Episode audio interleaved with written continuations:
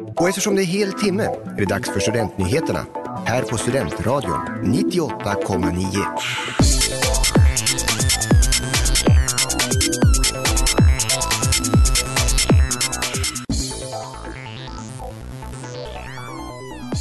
Vaccinationsbevis för att komma in på nation.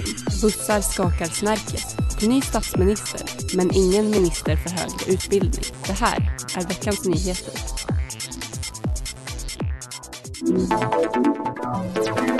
Sedan den 1 december gäller nya riktlinjer för evenemang med över 100 deltagare. Bland annat kan arrangörer välja att kräva vaccinationsbevis för alla deltagare.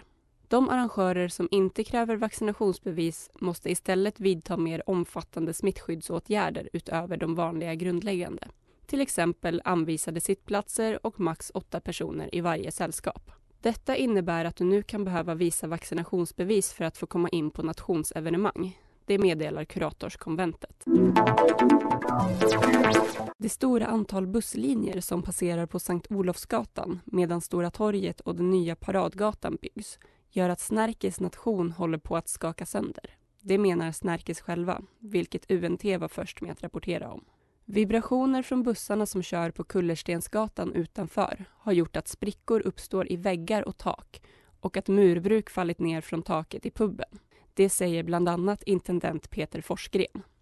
Uppsala kommun säger att enligt de mätningar som gjordes när ombyggnadsarbetet inleddes är nivåerna på vibrationerna låga och inte något som riskerar att skada byggnader. Helena Bremmerfors Gaddefors, projektledare för bygget, säger till Ergo att de nu kommer att sätta upp mätare specifikt på Nationshuset för att undersöka saken igen.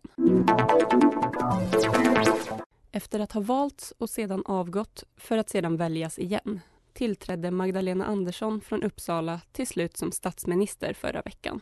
En ny statsminister innebär också en ny regering som efter det att Miljöpartiet valde att lämna regeringssamarbetet denna gång är helt socialdemokratisk. Flera namn i regeringen känns igen sedan tidigare, men det tillträdde även flera nya ministrar. Vissa förändringar har även gjorts gällande själva ministerposterna. Till exempel har ministerposten för högre utbildning och forskning försvunnit. Ansvaret för landets forskning och högre utbildning ligger nu istället hos chefen för utbildningsdepartementet, utbildningsminister Anna Ekström. Du har lyssnat på nyheterna i Studentradion 98,9 med mig, Amanda Jansson.